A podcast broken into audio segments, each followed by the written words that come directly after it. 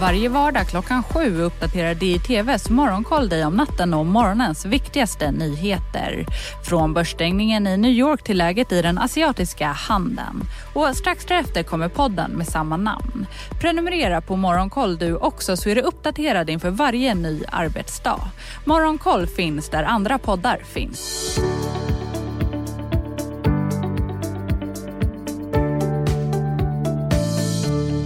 Välkomna till ett nytt avsnitt av Smarta pengar, en podd om privatekonomi från Dagens Industri. Och vi som gör den här podden heter Jenny Pettersson och Hans Bolander. Idag Hans så ska vi prata hur det gick för premiepensionens fonder i fjol. Också då när det är dags att agera som sparare, privatperson och lite kring vad som händer i systemet också för det kommer ju ytterligare förändringar. Är det planerat i alla fall det här år, senare det här året? Precis. En annan aktuell sak som vi tänker prata om är ju det här med Swedsec. Swedsec är ju då branschorganet för företag som står under Finansinspektionens tillsyn och samtidigt då är aktiva på värdepappersmarknaden. Och där har det varit ett rekordstort antal disciplinärenden i år, eller hur Hans? Ja, absolut, det har det varit. De, de, är nog lite okända för allmänheten också, Swedsec, men det är lite grann ett körkort för eh, människor med kundkontakt och som placerar pengar och säljer bolån och sånt i finansbranschen. Eh, vi ska gå in lite senare då på vad, eh, vad det betyder för sparare och så. Men jag tänkte vi ska börja med en spaning, eller ett förslag kanske man kan kalla det, från SBC. Det är Sveriges bostadsrättscentrum. Det är ett, ett företag som man kan anlita då som bostadsrättsförening eh, som utför olika tjänster och så. Eh, och de ser då konsekvenser av hemarbetet. Det är många de som har yrken då som tillåter det, som jobbar hemma just nu. Du och jag gör ju det Hans, ja, sedan lång tid tillbaka.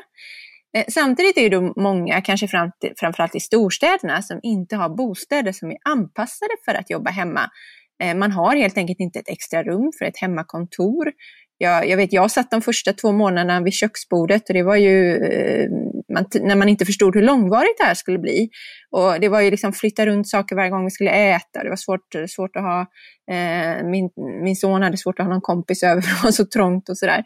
Så till slut så inredde jag ju en, en liten yta då i ett annat rum när det, när det liksom blev tydligt att det blev lite mer långvarigt. Men det blir ett problem för många som bor trångt i, och i områden kanske då där bostadspriserna, kvadratmeterpriserna är väldigt höga. Ja, och familjer där, där det är många hemma, liksom, och barn är hemma och det blir stökigt och farmor skriker och hon ska ha mer kaffe från köket. Du vet, man kan göra massor med grejer.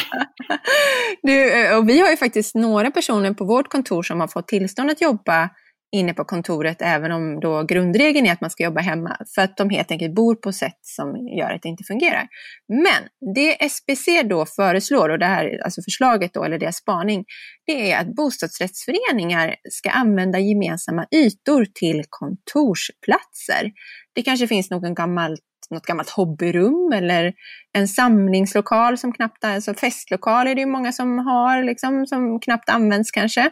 Jättebra eh, förslag tycker jag. Ja, och då, då, skulle, en lösning är ju då att ha några kontorsplatser där man kan gå upp eller ner eller vad det nu, vilket håll man nu bor, eh, och sätta sig. Och att det skulle höja bostädernas attraktivitet, också öka värdet på, på, dem, på den fastigheten då, eller på bostäderna i den fastigheten.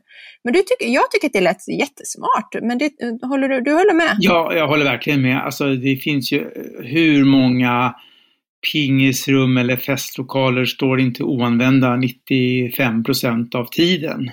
Det här skulle bli mycket mer använt och man skulle kunna tänka sig att man har ett bokningssystem då, modell tvättstuga och sådär. För det skulle, jag tror också det skulle bli väldigt populärt snabbt. Ja, det är säkert lite olika beroende på bostadsrättsföreningens storlek. Hur det, eh, för man kan ju tänka sig att en väldigt stor förening kanske vill hyra ut, som ligger mitt inne i, i city eller så, kanske vill hyra ut platser. Ehm, men då blir det ju ett annat, helt annat projekt såklart att göra det. Ehm, men när man har mindre bostadsrättsförening kanske man har plats för ja, liksom en handfull kontorsbord. Då.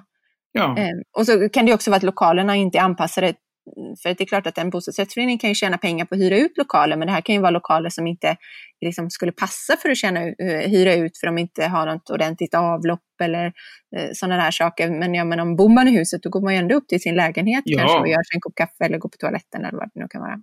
Ja men exakt. Ja men det här tror jag alltså, jag har faktiskt med mig en liknande grej för väldigt många år sedan att det, vi övertalade föreningen att få hyra en del av vinden och så byggde vi om det till ett mörkrum. Ah. Och gjorde det. Och så fick vi hyra det för en relativt billig penning av. Så var vi ett antal entusiaster. Det var jättebra. Så men allt sånt där som men man måste ju lyssna på, tycker jag, de boende. Vad finns behovet? Kanske behovet av tvätta, pingisrum, hobbylokal, det kanske inte är lika stort längre. Eller så är det jättepoppis, vad vet jag, det är säkert skill. Men jag tycker det här låter som en klockren idé. Mm. Så det tycker vi att många ska ta till sig, det förslaget helt enkelt och fundera och ta upp det i, sin, eh, eh, i styrelsen får man ju diskutera det såklart, och det ja. måste ju förankras i föreningen.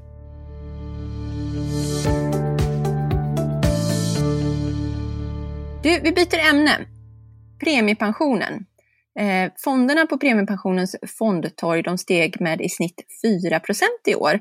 Och det är inte en så hög siffra och många kanske studsar till då eftersom Stockholmsbörsen och USA-börserna de gick upp betydligt mer än det.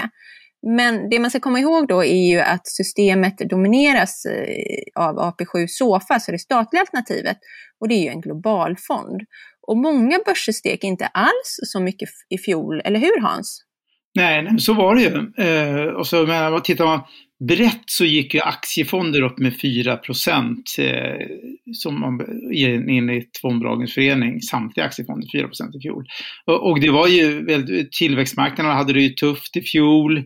Och eh, det var ju framför allt skulle jag vilja säga, och sen var det USA då som tvärt emot som gick jättebra. Och Nasdaq-börsen, då, teknikbörsen, eh, tror att den, ja, det gick upp med, mer, upp mot 18 procent, 18-20 procent och Stockholmsbörsen gick ju bra. Men, eh, men också vad de drabbas av i AP7 och globalfonder är att kronan stärktes ju eh, under året och då eh, betyder det att eftersom innehaven i utländsk valuta så, så minskar de i värde på grund av valutaförändringen. Just det, det är ju det vi har haft fördel av i många år tidigare Exakt. när kronan har försvagats. Mm. Så där, där tog ju många fonder stryk för de äger ju fonder innan, eller äger aktier i annan valuta än kronor. Just det. Och visst är det så att om man sorterar bort eh, sofan så ser det lite bättre ut för resten ut. av fonderna? Ja, ja. för då är det ju mycket mera med tonvikt Sverige till exempel och så. Ja, just det. Och sen var det ju några, så här, några branschfonder som gick galet bra. Hade du, med, hade du några sådana i din portfölj tror du? Eh, om jag hade det personligen? Ja, ja. Alltså, i, i, jag är ju en eh, AP7 Sofa-person då, så okay. jag har allt mitt premiepensionssparande i den fonden. Eh, jag vet, det, det har ju inte du. Vi har ju lite olika Nej, här. Exakt.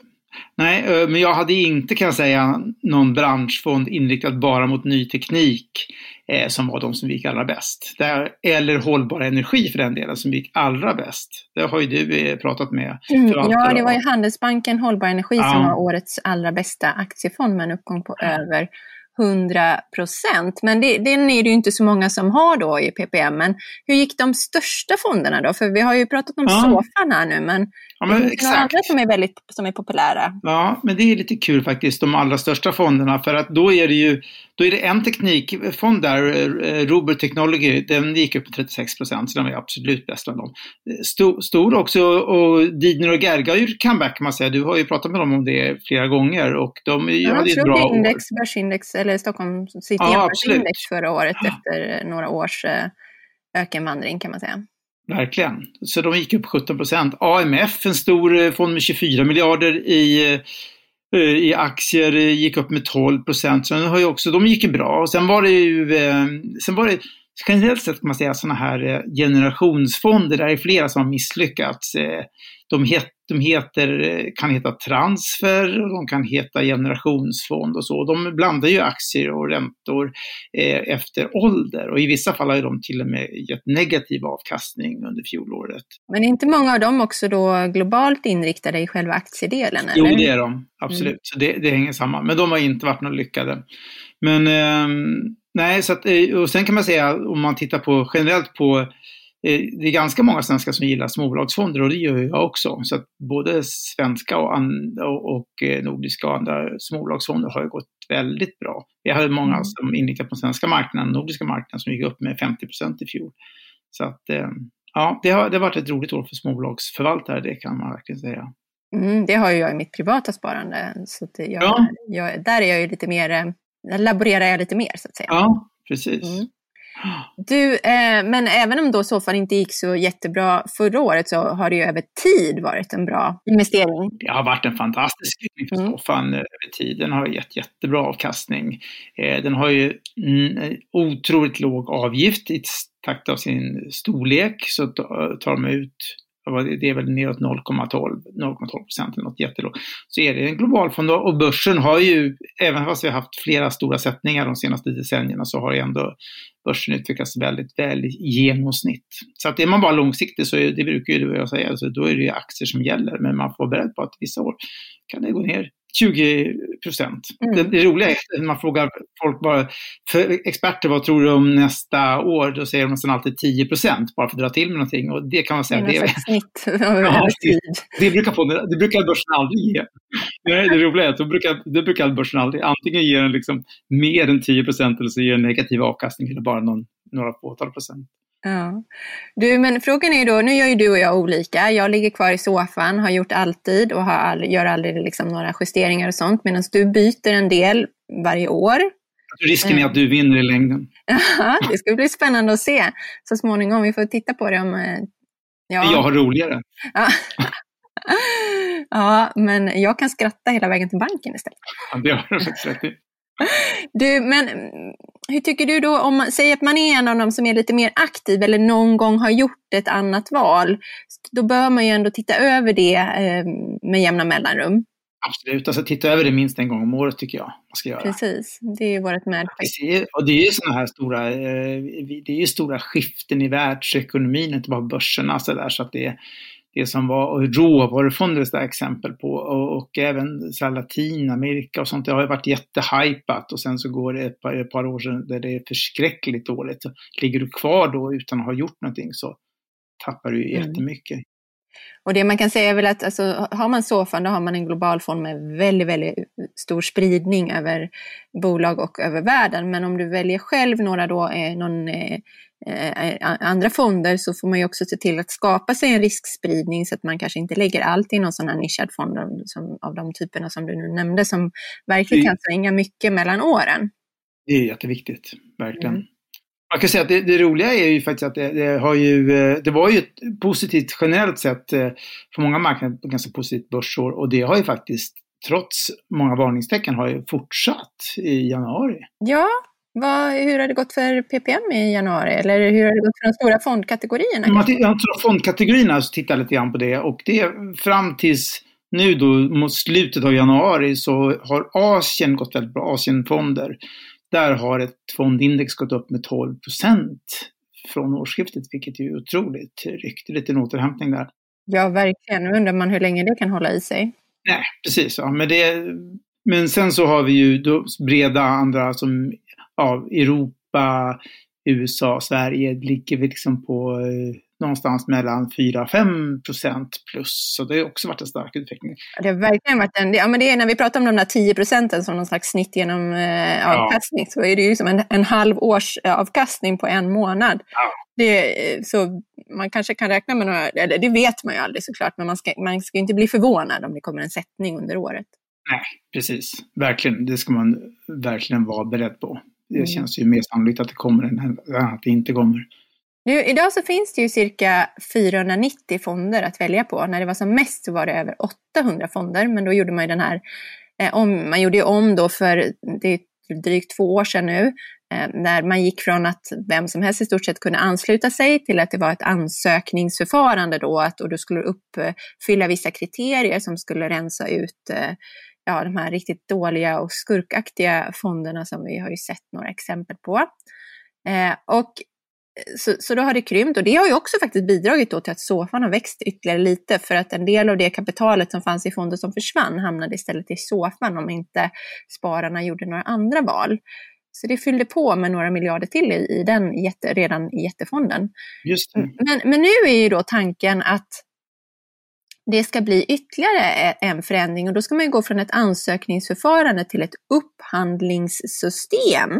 där en ny myndighet då ska upphandla fonder som man då ska hålla vissa kvalitetskrav som ska få lov att vara på, på torget och då ska det finnas några fonder i, inom varje fondkategori då, så några globalfonder, några Sverige, några småbolag och ja, etc och några nischfonder, branschfonder och sånt. Det är inte riktigt, inte riktigt eh, spikat det där att det blir så. Nej, precis. Alltså arbetet med det här pågår för fullt. Eh, det finns, man jobbar då eh, för att få igång en ny myndighet under Pensionsmyndigheten som ska sköta det här. Och de förbereder då för att påbörja upphandlingar från, från 1 september i år.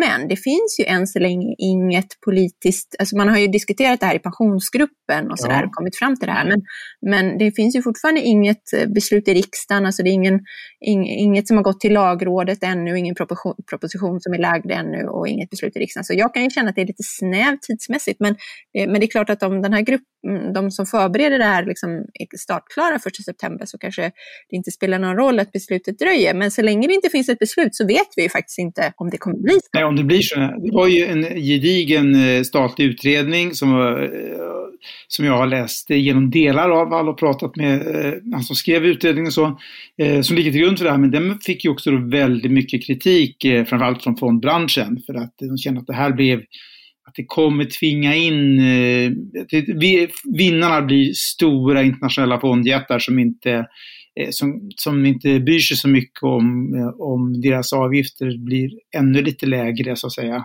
deras ersättning för och kan vara med och konkurrera medan det är svårare för mindre fondbolag kan man säga helt enkelt. Mm. Prispressen blir väldigt, den är ju redan väldigt stark kan man säga på, eh, på pensionstorget för att fonderna är ju rabatterade. Så att ju större ja, det är ju fonden, ett krav för att få vara där, ja, att man har rabatterat. Så det är ju inte, ingen kan ju säga att det är höga avgifter idag inom eh, inom premiepension. Men det, det, naturligtvis kan de bli ännu lägre. Jag tror framförallt att utredarna de är ute efter att ja, folk, ungefär lite, nästan lite omyndigförklarande tycker jag, att folk kan inte välja, det är bättre att vi guidar dem och så finns det bara fåtal att, att välja på så blir det inte så dåligt. Men, eh... Just i den här delen av omgörningen så, så händer det ju inget med förvalet och SOFAN ska liksom Men där finns det ju också en debatt om om man ska ändra om man ska ändra i den, i ja, hur den får placera, till exempel investera, men också då risknivå och sådär. Så där kan det ju också komma eh, förändringar på sikt, det vet vi inte. Ja, intressant. Ja, det, men ja. vi kommer ju skriva mycket om det här framöver. Vi kommer följa den här frågan i det i, eh, under året. Och, eh, så att, eh, läs tidningen och lyssna på oss här så missar ni ingenting som händer.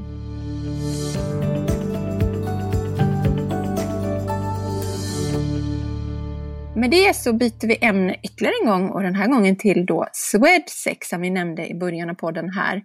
De hade eh, den här, det här branschorganet då, de hanterade 71 disciplinärenden i fjol. Och det handlar då om när personer som har en licens bryter mot regelverket och det var rekordmånga. Och det har ju varit en stadig ökning eh, successivt liksom under åren. Och det är inte så konstigt för att finansmarknaden växer ju och antalet personer med licenser ökar. Jag tror att det har eh, ökat tre, med, alltså det är tre gånger så många som har licenser nu som hade för drygt tio år sedan. Men anmälningarna har faktiskt ökat då, eller ärendena ska man säga, har ökat procentuellt något mer. Men jag kan tycka att det, att det borde vara ännu fler anmälningar eller eh, ärenden i en så stor bransch att, och också med tanke på att det handlar om pengar då, som ju alltid har tagit fram det sämsta ur en del människor. Och rötägg finns i alla branscher, oavsett var. Verkligen. Jag tycker det väcker frågan hur om hur bankerna hanterar missförhållande, om de sopas under mattan. Alltså, de har ju ett ansvar att medlemmar i Swedsex ska ju anmäla det. Men jag undrar, eh, gör de alltid det till 100 procent? Vad, vad, vad, tror du Hans? Nej, jag, jag, jag, tror verkligen att det inte är så. Jag vet också att det är så, för jag har hört en del liksom, från, från, inside information. Inside, från, från människor som är anställda i finansbranschen. Det är mycket saker som händer, små grejer som borde egentligen anmälas. Eh, antingen då om det är, att det är regelbrott eh, som borde bli någon typ av, för att man kan säga det, eh, polisanmälan är ju det är ju en större, ett större ingrepp. Så om du polisanmäler en medarbetare, då har de verkligen gjort någonting som, som man tror menar på är brottsligt. Här är det mer att man bryter mot reglerna och då ska ju eh, en bank eller aktiemäklarfirma eller något anmäla till, eh, till eh, ett disciplinärende hos Swedsäker så är det en oberoende jury kan man säga med väldigt högt uppsatta jurister som tittar på det här och, och ska se om det blir en, eh, om det blir en återkallad licens som är värsta straffet eller om det blir en, en eh, varning. Eh, och sen kan det också bli att det inte blir någon påföljd. Men eh, definitivt så är det ju i många fall, för det är upp till arbetsgivaren faktiskt att ta upp det här eh, och använda det till sprätsäck. Så att det är mycket som sopas under mattan. Eh, Eh, och av olika skäl, alltså det blir ju, eh, de är ju anonymiserade här, vi kan ju inte se vilka banker eller fondmäklare eller något, var de har jobbat. Eh, så att allmänheten kan ju inte se vilka, om det är någon som sticker ut. Men jag tror att ändå det gör att eh, en arbetsgivare ligger lite lågt och försöker lösa det hela genom att bara ja, genom sparken eller omplacera. Ut, Nej, precis. Man kanske omplacerar den, anställde ger dem en reprimand. Liksom in så att, eh. Men kan du ta några exempel på, av de ärendena som eh, hanterades under förra året? Då? Vad, vad har folk, eh, de här personerna gjort för någonting? Ja, det, det finns ju väldigt många, det finns många som man kan tycka är märkliga exempel. Det var någon som hade, eh, man får ju till exempel inte titta på Eh, Eh, på kunders konton, kontoutdrag, hur de agerar hur som helst. måste man ha en, en anledning så att säga. Du ska söka ett bolån, Jenny, då, då kan jag, eh, om jag anser gå in och så tittar jag där och så hanterar det efter, då måste jag titta vad du har för inkomst och sådär. Naturligtvis. Men här är det liksom en som fick en återkallad licens hade gjort eh, efterforskningar hos, på sin partners affärer och hade gjort 746 eh, sökningar på partners konton i företaget. Så det är liksom, Man undrar ju lite över deras relation alltså. Ja, precis. Kanske inte helt friskt. Nej, och, eh, och, och sen hade den här personen också då eh, bland annat vid något tillfälle tagit emot 5 000 kronor via Swish från någon kund till sitt privata konto och sen tagit ut kontanter och gett dem till kunden. Så men det är så här uppenbara, verkligen. Och sen var det helt uppenbara penningtvättsbrott. Då är vi någon kontorschef på något mindre ställe, var kontorschefen hade sammanlagt tagit emot 250 000 kronor i kontanter från en kollega och sen eh, utan att dokumentera det här och eh, gjort transaktioner, fört in det i systemen. Och sen hade den här också gjort transaktioner åt utländska, en utländsk medborgare som hade nekats att bli kund på grund av otillfredsställande kundkännedom som det heter. Men då hade ändå man överträtt reglerna här.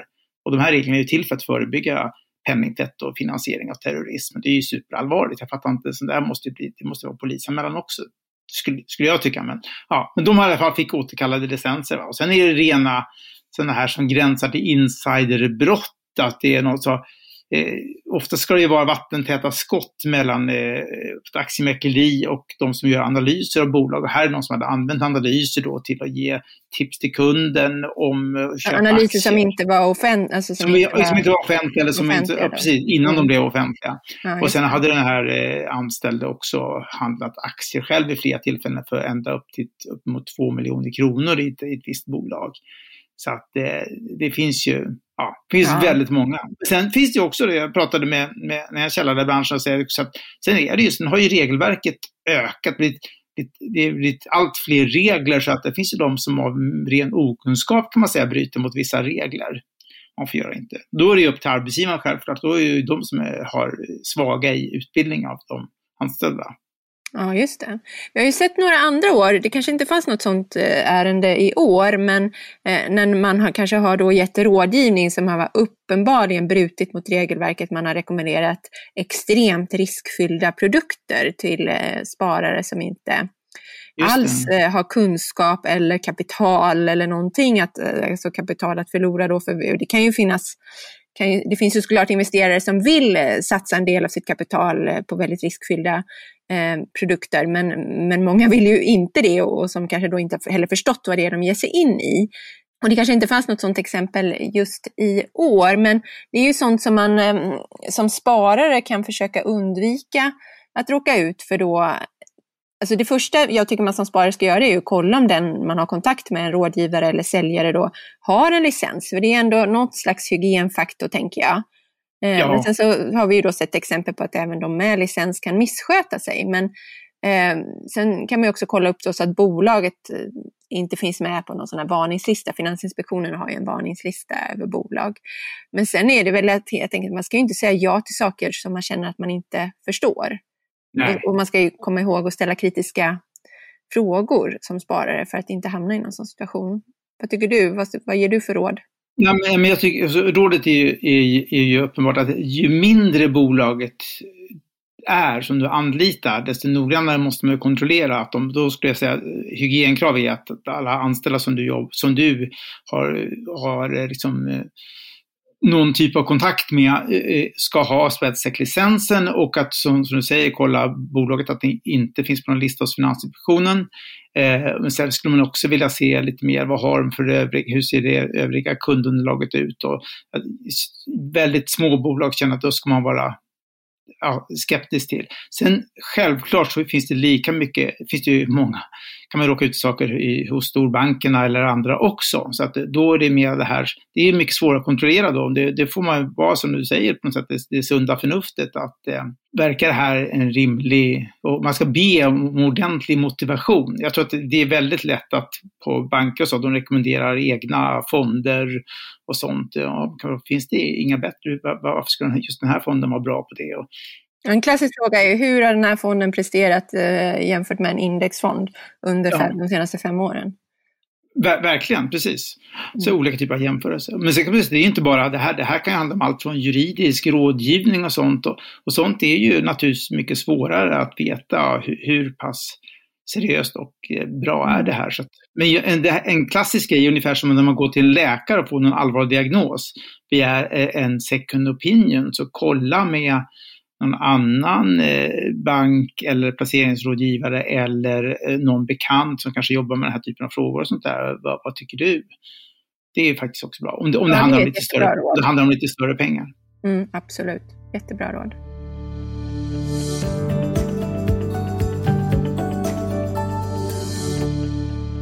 Med det är Smarta pengar slut för idag. Skicka gärna in frågor som ni har om privatekonomi till oss. Det tycker vi är jättekul att ta upp i podden och vi gör det också ibland i tidningen på lördagar. Adressen är smartapengar.di.se. Podden redigeras av Umami Produktion och ansvarig utgivare är Peter Fällman. Och DI har ju mängder av andra poddar som vi tycker att ni ska lyssna på också, även om att vi såklart är er favoritpodd. Så vad skulle du säga Hans? Jag instämmer helt, särskilt i det sistnämnda du sa. Mm. Eh, men eh, vi har, vi har ett fantastiskt bra eh, podd. Det finns ju Makrorådet för den som grottar ner sig i, i makrotrender och räntor. Och, och det, vi har ju Analyspodden som verkligen varje vecka summerar börsen och tittar framåt. Och vi har Det digital som man hör på namnet vad det handlar om. Vi har Förnuft och känsla med intervjuer. Vi har dagliga poddar från som är mer nyhetsbetonade. Ja, exakt. Mm. Så att det, det, man kan verkligen um, lyssna, skulle jag säga, i alla fall någon timme om dagen på DIs poddar. Och det är ju helt gratis också. Precis. Så gör det och så hörs vi igen. Hej då! Hej då!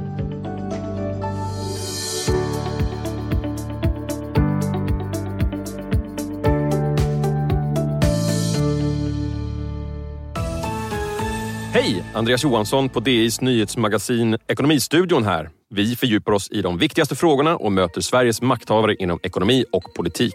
Ekonomistudion finns där poddar finns varje dag klockan 16. Varje vardag klockan sju uppdaterar Ditvs Morgonkoll dig om natten och morgonens viktigaste nyheter.